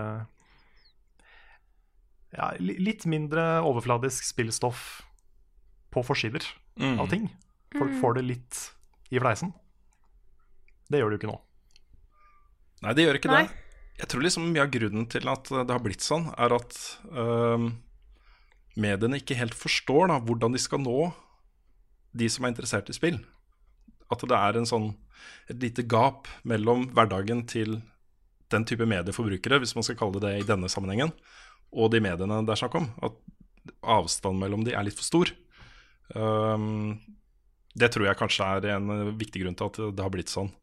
Men det betyr jo ikke at eh, det ikke er mulig å lage interessant spillstoff for bare folk som er nysgjerrig på spill, eller folk som ikke vet engang de er nysgjerrig på spill. Og alle de, alle de folkene som fortjener og bør høre litt om hvor spillmediet er i dag. da Og følge litt med på den utviklinga. Kanskje få en litt mer informert, et informert grunnlag for sine egne meninger.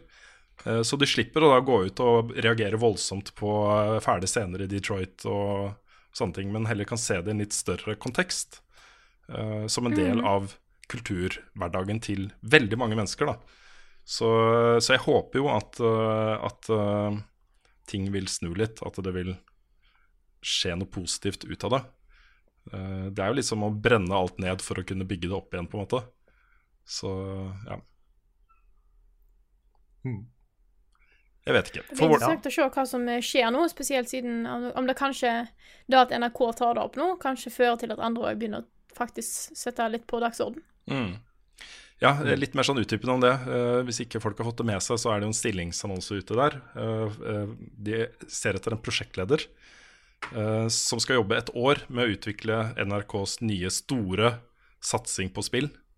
Um, og det er jo ganske vagt beskrevet, men det virker som om det er en ganske stor ting, da. Som skal inkludere mange forskjellige kanaler og mye, mye sendeflate på NRK. Så, så det er utgangspunktet for, for at vi vet at det skjer ting der. Eh, Dette med Ja. TV 2 er mer sånn rykter jeg har hørt litt her og der om at det er ting på gang. Så det er veldig ubekrefta, men jeg tror det skjer ting der også. Men uh, jeg vet ikke. Hvis, uh, hvis uh, vi har råd og mulighet til å fortsette en stund, så, vil jo, så er det jo potensi potensialet for at vi ikke trenger å liksom bli innlemma i VG-en eller i noen andre for å kunne nå veldig mange mennesker. Dette handler om å bygge opp en ny mediekanal, et nytt medie. Og kanskje vi bare trenger litt tid på oss, og så når vi allikevel veldig mange mennesker, da. Mm. Men eh, jeg har liksom en følelse av at man trenger litt drahjelpen fra de store mediene for å kunne nå mange flere mennesker enn det vi når i dag, da. Kanskje. Ja. En annen fordel med at det er NRK, da, det er jo at veldig mye av det mainstream spillstoffet som er nå, er jo sponsa. Veldig mye sponsa innhold, uh, veldig mye kommersielt innhold. Der har jo NRK en fordel. Mm. Absolutt. De kan jo i utgangspunktet ikke holde på med sånt. Nei, ikke sant? Nei. Selv om de gjør det. Da blir det liksom Da må de gjøre det skikkelig hvis de skal gjøre det. Mm. Mm. Ja, men da, eh, siden det ble litt sånn klein stillhet her, så tror jeg at vi Klein stille. Jeg, jeg, jeg kaller det liksom eh, litt sånn uh, ettertanke. Litt sånn uh, Ja, et ettertanketid. refleksjon. Mm. Da kan man sitte med litt sånn et vinglass og bare mm, Mm. mm. mm. Men vi kan gå videre, altså. Og først så har jeg lyst til å ta et noe som ikke akkurat er et spørsmål, men mer en kommentar som jeg har fått her på Patreon av Tree Adventures, eh, som han kaller seg, som skriver Jeg spiller ingen spill sjøl, men ser på Level Up og får med meg hver eneste podkastepisode. Dere er behagelige og hyggelige folk. Takk for at dere gir meg et ordentlig innblikk i noe jeg ikke har peiling på. Og da er veldig interessant og veldig kult å høre. Det er det. Vi nådde jo mange av de i, i, i VG-tiden. så vet Ja. jeg Jeg hørte stadig vekk fra folk um, uh, som sa akkurat det. At jeg spiller ikke selv, jeg spilte kanskje litt i ungdomsårene og sånt, men jeg er interessert i spill med det. Og derfor så ser jeg på det dere lager. Det er veldig hyggelig å kunne nå det, og det er jo på en måte et signal da, om at den type stoff har en plass, også på flater hvor det ikke bare er spillinteresserte folk. Så eh, ja. Jeg føler i hvert fall at vi gjør noe riktig når vi får den type tilbakemeldinger. Så, så det var hyggelig å høre. Det var veldig hyggelig å høre. Absolutt. Så tar vi et spørsmål her fra eh, Vegard Øyen Jensen. Og det er mange som har lurt på dette her. Eh, så det dukker opp litt sånn her og der, så jeg tenkte jeg skulle ta det opp. Så spør hvordan vi kommer til å gjøre årets spillkåringen. Skriver ellers. Da føler det blir veldig dumt å velge ut ett spill som Game of the Year over alle andre, spesielt i år med så mange, mye utrolig bra som har kommet. Hvordan kan en i hele tatt sammenligne spill som f.eks. Zelda, Persona, Near Automata osv.? Uh, så vi kan jo nevne litt hvordan vi har tenkt til å gjøre akkurat spillkåringer og sånt i år, for da begynner jo å nærme seg litt når at vi skal gjøre dette her. Mm. Det kan være. Jeg synes også det poenget med Game of the Year Det sliter jeg med hvert år. Ja. At jeg, jeg, jeg, jeg sliter med å sammenligne spill som er så forskjellige. Mm. Det er sånn evig problem for meg. Så, Så vi har tenkt i år til å ha mange awards, mange kåringer, ikke bare ett Game of the Year. Dette skal skje på en lang livestream den 20. desember.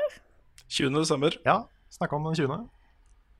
Da blir det seks timer, er det ikke det vi har planlagt? seks timers livestream. Mm. Mm. Seks, timers livestream med mange ulike awards. eh, og mange, altså da mange ulike kåringer. I tillegg til at vi skal vel prøve å kåre Game of the Year, selv om det er vanskelig å gjøre. Mm. Jeg føler vel at, eh, at den kåringa, Game of the Year, er en litt sånn viktig ting for en redaksjon å gjøre. Uh, man kårer jo årets plate, årets film, årets bok, årets hva som helst, liksom. Og jeg sliter litt med å ikke gjøre det med spill. Det er en interessant diskusjon om man klarer som redaksjon å bli enige om et spill som fortjener den kanskje bitte litt mer da enn de andre gode spillene som har kommet ut i året. Um, så, så jeg syns det er gøy jeg, å lage den type kåringer. Det er gøy. Ja. Når det er sagt, da, så er det jo mange spill som hadde fortjent Game of the Year i år. Mm. Veldig mange. Unormalt mange, faktisk. Mm. Da gjør det liksom så vanskelig, fordi at eh, det er mange spill i år som sikkert kunne vunnet Game of the Year i fjor, som ikke vil vinne det i år, for det er så veldig, veldig mange bra spill. Mm. Ja, faktisk. Jeg tror det er, det er sju spill i år som hadde vunnet Game of the Year i fjor. Ja, ikke sant. Så det, er, eh, det året her har vært eh, helt crazy. Det har det. Men eh, det kommer jo også, eh, tror jeg i hvert fall, definitivt fra meg, jeg tror fra Rune, sånne egne topp ti-lister. Ja, da har jeg allerede begynt å Eh, jobbe litt med manuset der, så, så det kommer. Ja, så det kommer. Det blir i hvert fall Rune og meg, eh, og alle andre som har lyst Mm. fra redaksjonen. Så hvis du vil lage en Frida, så er det bare å kjøre på. Når skal det være klart? Når du vil. Vet ikke jeg. Ja, etter Ja. streamen, tenker jeg, egentlig. Ja, ja altså men kan- da høres bra ut, Ja, etter jeg streamen én gang. Det kan jo også til og med være i januar. Liksom. Det, det må ikke være med en gang. Ja, jeg også tenker det at det er ikke så farlig at den kommer ut sånn veldig tidlig. Nei. Eller vente på etter vi har da kan det felles. være Det kommer for meg òg. Jeg skulle gjerne eh, Jeg må bare få spilt New Automater først, tror jeg. Jeg tror det er Og Horizon. Fader. Den kommer så langt ut i 2018. Da har jeg fått tatt igjen 2017. Mm. Vi får se. Det hadde vært veldig, veldig gøy å gjort. Mm. Hvis 2018 Absolutt. bare venter litt Ja, kanskje vi setter litt sånne ting på pause? Nei, men det er, vi får jo Da, ofte ja. litt sånn kritikk for at vi gjør uh, kåringer i desember. Fordi ja. uh, For det første så kommer det jo noen spill i desember, og for det andre så, så eh, er det særlig sånn leseravstemninger og sånn som man har hatt i VG. da Hvis det kommer før jul, så er det mange som ikke har rukket å spille disse spillene fordi de får det i julegave ikke sant? og skal spille i jula.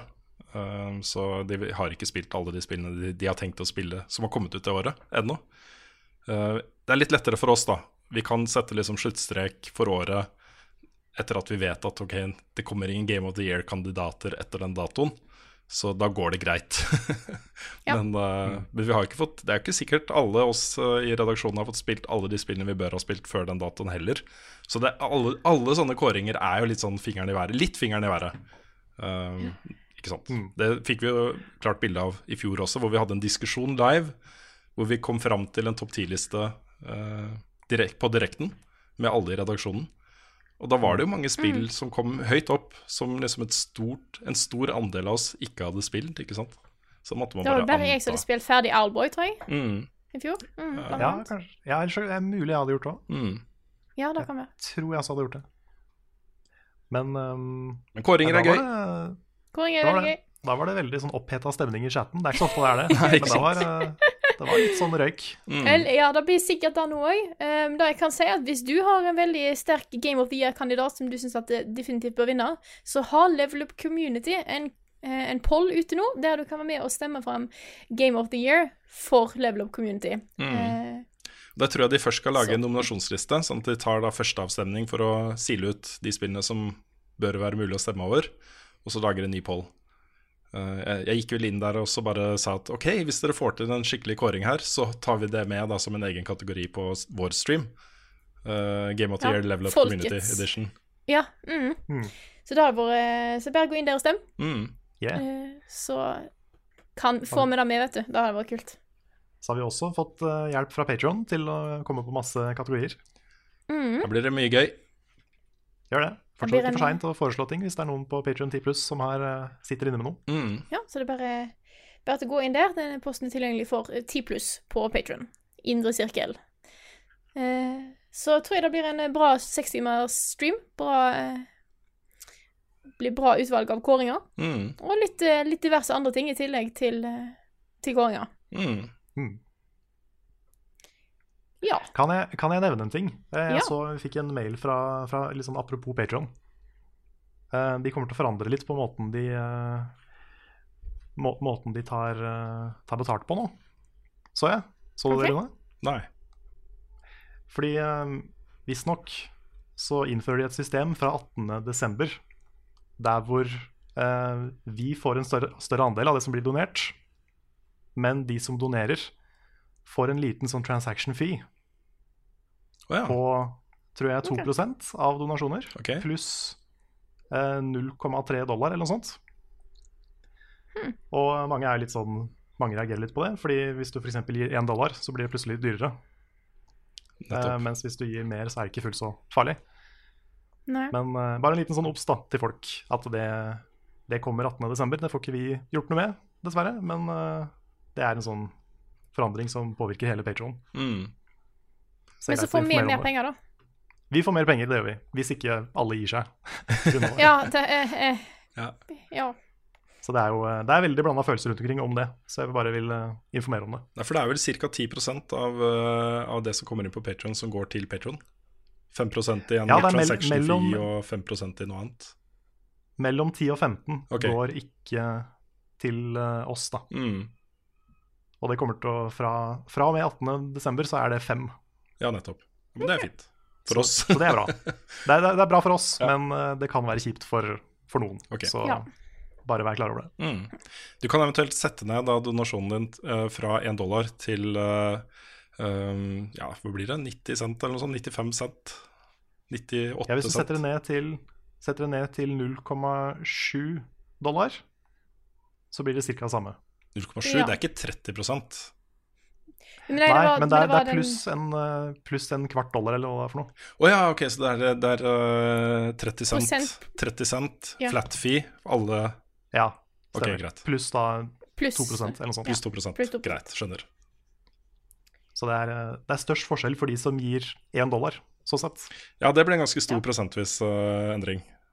Hvis du Mm. gir ti, 10, så er det jo ikke så, så mye. Matte med level backup. Yes, det er vi gode på. Ja, ja. Eh, vi kan fortsette her. Vi har fått et par eh, filmspørsmål. Jeg tenkte vi skulle ta det i dag. Eh, vi har fått et spørsmål her fra Marius Lysegen Krinnan, som spør Jeg har bestilt The Room på Blu-ray og satser på å få den før jul. Hvordan forbereder jeg meg? Jeg har aldri sett den før. Åh, gled deg. Bare nyt det, kos Ja. Kjøp inn noe, noe snacks. Sånn chips og noe Mm. brus og noe greier. Og Bare ha god tid. Slapp av. Sett deg ned i sofaen og bare opplev The Room. Mm. Mm. Og ha med flest mulig venner. Ja. Fordi jo flere folk du ser den med, jo morsommere er det. Og når du er ferdig med å se den, les The Disaster Artist, og så se The Disaster Artist. Det er en bra bok og visstnok en bra film, basert på verdens dårligste film. Det er da Har den filmen kommet ut? Den kommer nå. OK. I, eh, så den kommer på kino i Norge rett over jul, Kult. med da James Franco som Tommy Wiseau. Hørt at den filmen er dritbra, så jeg Jeg er sett- sykt spent. Jeg er nesten mer spent på den enn jeg er spent på Star Wars. Og jeg er ganske spent på Star Wars. Mm. Jeg har sett noe klipp fra den filmen. Blant annet der de har satt scener fra originalfilmen opp mot scener fra den filmen her, der de har gjenskapt et par scener, da. Det er ganske, det er ganske bra laga noe, da. Det er jo ikke en remake, men det er bare sånn de scenene de har henta ut for å vise Mm. hva filmen handler om, da. Mm.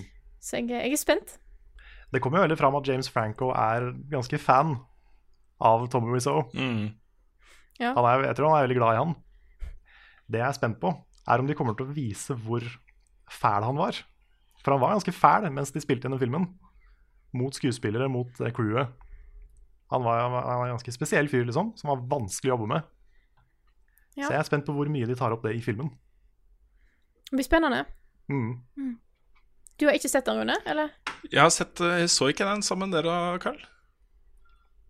Nei, jeg tror ikke vi så The Room. Nei, det var en Nei, vi så, vi så The House That Drips Blood on Det var den eh, vi så. Det stemmer, det. Ja, Jeg har det er sett- også med Tommy Wiseau. Jeg har sett flere scener da fra The Room, jeg har ikke sett hele filmen. Den bør du se. Mm. Bare sånn for å ha gjort det. Yep. Mm. Ja. Den, eh, den er verdt det, altså. Det er, det er bare kongen av drittfilmer. Men da går vi fra drittfilm til bra film. For vi har hatt et spørsmål her fra Filmkos på Patreon som spør hva filmer er deres favoritter fra 2017. Hilsen nordmann i Australia. Nice. Mm. Er Dunkerque. Den har jeg fortsatt ikke fått Åh, sett. den er så bra. Mm. Den er helt fantastisk. Jeg har ikke Jeg fått sett, ikke fått sett Blade Runner ennå, så Å, der burde jeg se. mm. Åh. Jeg innså etter hvert når jeg liksom tenkte på dette spørsmålet, prøvde å finne ut hva filmer som kom til 2017, og hva jeg har sett, at jeg har sett veldig lite film i 2017. Mm. Jeg ja. Jeg tror den eneste jeg har vært på kino og sett uh, Jeg kan cheate litt og si 'Arrival', for den så jeg i 2017 på kino, selv om den kom ut i 2016. Uh, ellers er eneste kinofilmen jeg har sett, er 'Wonder Woman'. Å ja. Så du, du har bare vært på kino med oss? Ja. Ja. Ja, den likte jeg veldig godt. Jeg likte også Spiderman Home Homecoming Mm. veldig godt. Og Thor Ragnarok var veldig kul. Den har jeg heller ikke fått sett ennå. Den er, eh, den er bra. Den er litt sånn, eh, litt sånn Guardians-vibes. Mm. Uh, Get Out elsker jeg. Fantastisk film. Ja, den vil jeg se. Den må jeg få se. sett. Eh, Innser at jeg heller ikke har sett Alien Covenant ennå. Den bør jeg se. ja, den likte jeg. Jeg tror ikke den havner på sånn toppliste, men jeg likte den også veldig godt. Nei, men jeg, jeg eh, vil se det rett og slett fordi at jeg, eh, jeg likte det de prøvde å gjøre i Prometheus, som de ikke, de ikke fikk til i det hele tatt. Mm. Så jeg har lyst til å se hvor det går videre, Mm. på en måte. Ja. Mm. Og så Logan er jo fantastisk. Logan var kjempebra. Mm. Det har blitt veldig mye superheltfilmer, og ikke så mye annet i år. Det, Ja. Jeg har egentlig lyst til å se mye annet, men jeg har bare ikke tatt meg tid til å gå på kino. Mm. Og så fuckings elsker jeg John Wick 2. Den var fet, altså. Stemmer det når du snakker om. Dritbra. Mm. Um, Det, hva er er det liksom, det har vært mye bra TV-serier, men veldig lite film Ja, ja. på meg. Ja, jeg jeg har sett mye serier. Innså jeg. Veldig lite film. Mm. Burde sett mer film. Burde generelt sett mer film. Mm. Nå skal jeg sjekke en ting. Skal vi se. For det er en film som har kommet ut i år som eh, jeg ikke tror har vært på kino i Norge ennå. Um, Skal vi se. Jo, den vi så, på, den vi så i uh, Tromsø, Ja, stemmer det. Ja! Herregud! den var jo dritbra. Ja, den, er Den fantastisk. Thelma. Telma. Thelma, ja. Thelma, mm, Den Herregud. var, den var faktisk Den overraska meg veldig. Mm. Ja. Da har jeg faktisk kun vært på kino med, med dere. med deg, Karl. Jo, det er en film som har vært ute i resten av verden, men som kommer da til Norge, ser jeg nå på Filmweb, 16.2. Eh, Og det er The Shape of Water, nye filmen til Guillermo del Toro. Aha. Som har fått ekstremt mye positivt om omtale rundt omkring. Det skal visstnok være en veldig sånn visuelt sånn forførende film, med masse veldig, veldig sterke scener og, og sånt. Den gleder jeg meg ekstremt mye til å se. Og Star Wars, da, neste uke. Ja, of course. Jeg holdt på å glemme en film her nå. Eh, og da er fordi at jeg, jeg glemte at den kom ut i år, men den kom jo til Norge i år, og da er jo Your Name. Ja, nettopp. Å ja, den har jeg ikke sett ennå. Den vil jeg se. Den er bra. Mm. Den er jeg veldig sikker på at jeg så i år. Ja, det må jeg ha gjort. Ja. For den har jeg anbefalt i podkasten. da må det ha vært i år. Det var nok kult Ja. Your Name. Eh, ja. Men Dunkerque er min favoritt fra i år også. Jeg tror det ingen uh, filmer som kommer til å klare å toppe den opplevelsen. Det var sterk opplevelse, altså. Helt fantastisk. Angrer litt på at jeg ikke fikk sett den på kino. Mm, det er en kinofilm. Mm. Kan sette den på når jeg kommer hjem, og har jo lerret og prosjektor hjemme. Prøv å få den samme opplevelsen. Kjør. Mm. Ja, da eh, lurte jeg på om dere har sett noen spørsmål. Det har kommet så veldig mange spørsmål i dag. Ja, det har kommet utrolig mange spørsmål. Så jeg tenkte jeg skulle la dere komme litt på banen her nå. Det var så mange spørsmål at Ja. jeg klarte liksom ikke å finne ett spørsmål som jeg tenkte det må jeg bare ta opp. Nei, det var sånn mitt problem òg, faktisk. Det var så mye. Mm. Eh, så vanskelig å faktisk eh, bare velge ut et, liksom. Skal vi se, Så jeg kan ta en sånn derfor, kjapp, eh, eh, en, en kjapp gjennomgang hvis dere har noe spennende å prate om imens. Um, Nei. ja. ja, Rune, vær så god. Slå deg løs. nå leter jeg. Jeg kan notere tiden, jeg, så kan jeg kanskje klippe litt her. Så, jeg, Ja, jeg, jeg, har en, jeg har en nå. Å ja, OK. ja. Fra Bjørn Corneliussen. Han, han spør har dere tid til å være syke, eller føler dere at dere må jobbe. Uh, håper ikke det. Uh, og hva gjør dere når dere er syke? Jeg stiller meg i gratulasjonskø med å nå 10K. Halvveis til drømmebudsjettet, så ufattelig fortjent. Tusen takk. Tusen takk. Og eh, vi, altså, det hender jo vi er sjuke i podcaster og bl- er mye forkjøla og sånn, Rune. Mm. Ja. Men sk skikkelig sjuke, det pleier vi ikke å være. Nei, jeg har vært Jeg var- skikkelig sjuk, men uh, sjelden så sjuk at jeg ikke klarer å jobbe. Jeg hadde en periode Det var noen dager før i høst. Da var jeg, da var jeg sånn influensasjuk et par dager. Det var litt fælt. Det var litt trist. Men sånn ordentlig sjuk eh, var jeg blant annet i vår. Da fikk jo jeg eh, bihulebetennelse. Da Ah. var jeg miserabel. Da fikk jeg ikke Altså, det var sånn Noen ganger så er det litt sånn Du er litt sånn pjusk. Får ikke akkurat gjort det du vil. Kanskje er litt sliten. Eh, litt bedre å ligge på sofaen enn å faktisk jobbe. Men da lå jeg på sofaen i godt over ei uke og bare var Hadde det så fælt. Da ville jeg helst ikke være igjen. Og da var ikke, da var ikke gøy. Det var sånn, da, da hadde jeg jo ingen energi, og bare Alt var vondt. Bare jeg Mm. bevegde meg, så gjorde alt vondt. Så eh, Men ellers veldig lite sjuk. Veldig mye sånn forkjølt. Konstant forkjølt. Eh, Men jeg vet Jeg vet at denne her litt sånn der småforkjølelsen som jeg har nå, som jeg alltid har på høsten, den, den holder jeg i sjakk ved å ha det travelt pga. eksamensperiode og sånne ting. Eh, så jeg, den kommer til å hitte meg, eh, sannsynligvis litt rett før jul. Så kommer den når jeg er ferdig, slapper av, så slår det til. Da kommer den forkjølelsen som har ligget litt og bare sneket seg inn på meg i lang tid, den kommer til å ta liksom Kommer til å ta, gi fullt angrep. Eh, så det er bare jeg forberedt på. Jeg har lært meg dette. Det bare skjer, og så må jeg bare håndtere det. Jeg skulle til å si det, for det, det skjer med meg òg hver gang. Fordi vi har, vi har to ganger i året som vi tar litt fri. Det ene er på sommeren, i juli. Og det andre er eh, når vi reiser hjem til jul. Og de to gangene i året blir jeg sjuk. Mm. Så det, det kommer med en gang jeg ikke er busy lenger. Mm. Det er sikkert sånn Jeg tror det, det har litt sammenheng med at man jobber med noe man er engasjert i. For da har man det i seg hele tida. Og er liksom veldig opphengt i den tingen. Og så, så fort du legger det fra deg, da kommer det andre. Jeg har lest noe om hvorfor det er sånn. Jeg husker ikke akkurat detaljene, men det er noe med hvordan kroppen fungerer med å eh, på en måte bare eh, ikke eh, Altså bare, bare prøve å holde ting i sjakk, så du kan holde, holde deg gående eh, i stressende perioder. Menneskekroppen, altså. Ganske funky. Ganske amazing. Mhm. Fant du Ja. noen spørsmål, Rune? Nei, eh, det er eh, Nei. Jeg kan, ikke, Nei? jeg kan ikke finne noen som er sånn Å, det må jeg bare svare på. Jeg føler at det spørsmålet bør være litt sånn. Ja. Ja. Jeg kan, jo, jeg kan ta et til fra, fra Truls Nordby. Han spør kan dere forklare litt mer rundt Fyll mitt hull. Når er det hvem sin tur til å bestemme spill? Hvor mange videoer på hvert spill? Eh, lengde på video, osv. Den er jo ganske, ganske løs, den spalten. Mm. Men eh, vanligvis så er det et spill til Rune, et spill til meg, og så bytter vi på. Eh, Gjerne med et sted mellom fire og seks-sju episoder per spill. Mm. Det ble litt annerledes den gangen her, siden vi endte opp med sånn her JRPG-kavalkade og så Minecraft på slutten. Ja. Men, eh, men nå er det Runes tur til å velge til meg. Jeg skal velge. Hvis ikke vi lager en Minecraft til. Ja. jeg, eh, det er litt funny det der, fordi eh, eh, nå har jeg også vært uh, snakket litt med Håvard. eh, vår gode venn HR fra Arendal. Og han har jo en egen Minecraft-server og spiller ganske mye Minecraft både med ungene og på egen hånd. Og han har foreslått Ja. at vi skal spille litt co-op. Og da tenkte jeg, vet du hva, ok, nå lager jeg jo en, en YouTube-serie med ungene. For der har vi filma så mye nå at det er allerede en serie. Så, så det blir noe av.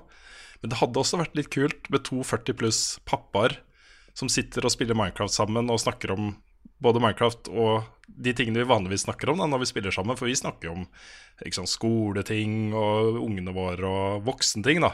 Um, ja, jeg kommer ikke på noen morsomme eksempler på voksenting. Kamferdrops. Avføringsproblemer. Ja, jeg er ikke helt der ennå, Ja. men, uh, men det hadde vært litt gøy, da. Med to, ikke sant, to gamlinger som sitter og spiller Minecraft sammen. Og er liksom Mm. Ja. Kanskje Ja, absolutt. hadde vært noe. Ja. Det er noe der. Mm. Craft Daddy Craft Daddy, ja. Ja, Mm, kommer på en YouTube nær deg. ikke sant. ja, det. Nei, men jeg har lyst til å Men det teste høres veldig god slutt. Ja, ikke sant. Jeg har i hvert fall lyst til å teste det i coop, så får vi se om det blir noe, blir noe mer. Ja, Ja da. Kult. Mm. Håvard er en kjernekar, Absolutt. så det er, eh, det er stas. Hyggelig å gjøre ting med Håvard. Mm. Men da lurer jeg litt på, siden, vi, siden ikke Rune finner noe spørsmål, om vi skal ta og runde av denne podkasten for denne gangen? Det kan vi godt. Det? Kan vi gjøre? Ja. Hvis ikke du hadde plutselig funnet noe, Rune, Nei. som du hadde lyst til å ta? Kan du slutte å mase om det, eller? For nå føler jeg meg skikkelig dårlig. det er sånn Ja, men det er greit! Vet du hva, Skal jeg ta et siste spørsmål? Ja, Eh, siden Rune ikke fant et. Siden Rune ikke Ja. fant et spørsmål, eh, så tar jeg et siste spørsmål som Rune ikke fant. Ja. Men det var Eh, du som fant det? Det var jeg som fant det. Det er fra Ja. Sigmund Tofte eh, på Facebook. Han spør eh, Carl, hvordan møttes du og Bjørn for første gang? Eh, Det er ikke en sånn superspennende historie, egentlig, men eh, den er litt kjapp. Fordi vi, eh, vi gikk spilldesign på NITH, som nå er Westerdals. Eh, Og Bjørn begynte en uke eller to etter resten. Fordi han gikk på en annen skole, og så bytta han. Um, og fram til da så hadde ikke jeg vært sånn supersosial, kjente ikke så mange. Um, men så bare dukka Bjørn opp, og var liksom fra første sekund så var Bjørn veldig morsom. Og jeg tror jeg prata med han, vi, vi kom på prosjekt sammen, i, hvor vi lagde en, en film som ligger ute på YouTube. Jeg tror det er en av de første filmene jeg lasta opp på min egen kanal, eh, som heter Sound of Air. Hvor Bjørn er en litt sånn sliten, gammel luftgitarist som uh, har hatt et eh, langt liv med luftgitar og festing bak seg. Og da jeg, da jeg jobba med Bjørn på det prosjektet, så skjønte jeg at liksom, dette er en fyr jeg har lyst til å jobbe mer med. Uh, og da inviterte jeg ham til eh, Muffens Media, uh, og så seinere til Level Up, eh, og Kosekveld og, og sånne ting. Så det var rett og slett han dukka opp, og jeg syntes han var morsom, så vi ble venner. Det der var en mye bedre kjærlighetshistorie enn Twilight. Ja, Ja. Det, det var det. Men med da spørsmålet der, som Carl fant, og ikke Rune, så eh, får jeg vel si tusen takk til alle dere som støtter oss på Patrion, som har fått oss til å nå eh, altså 10 000 dollar. Herregud. Jesus Tusen Christ. hjertelig takk.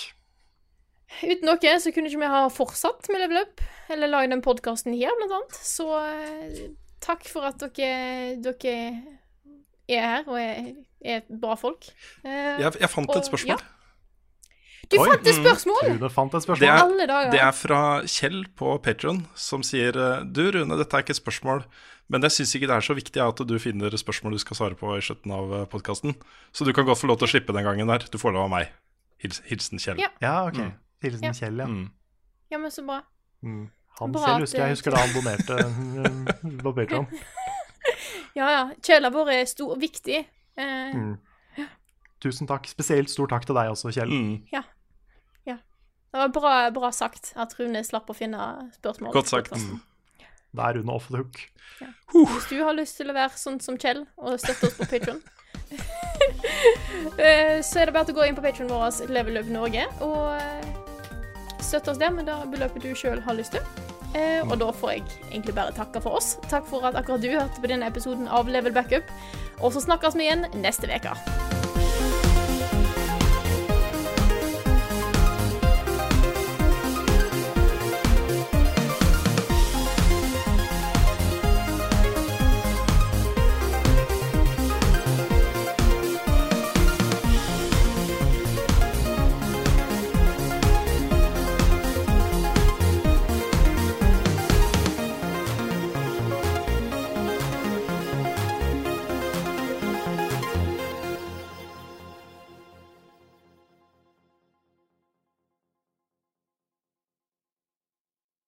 Har du et enkeltpersonforetak eller en liten bedrift? Da er du sikkert lei av å høre meg snakke om hvor enkelt det er med kvitteringer og bilag i fiken, så vi eh, gir oss her, vi. Fordi vi liker enkelt. Fiken superenkelt regnskap.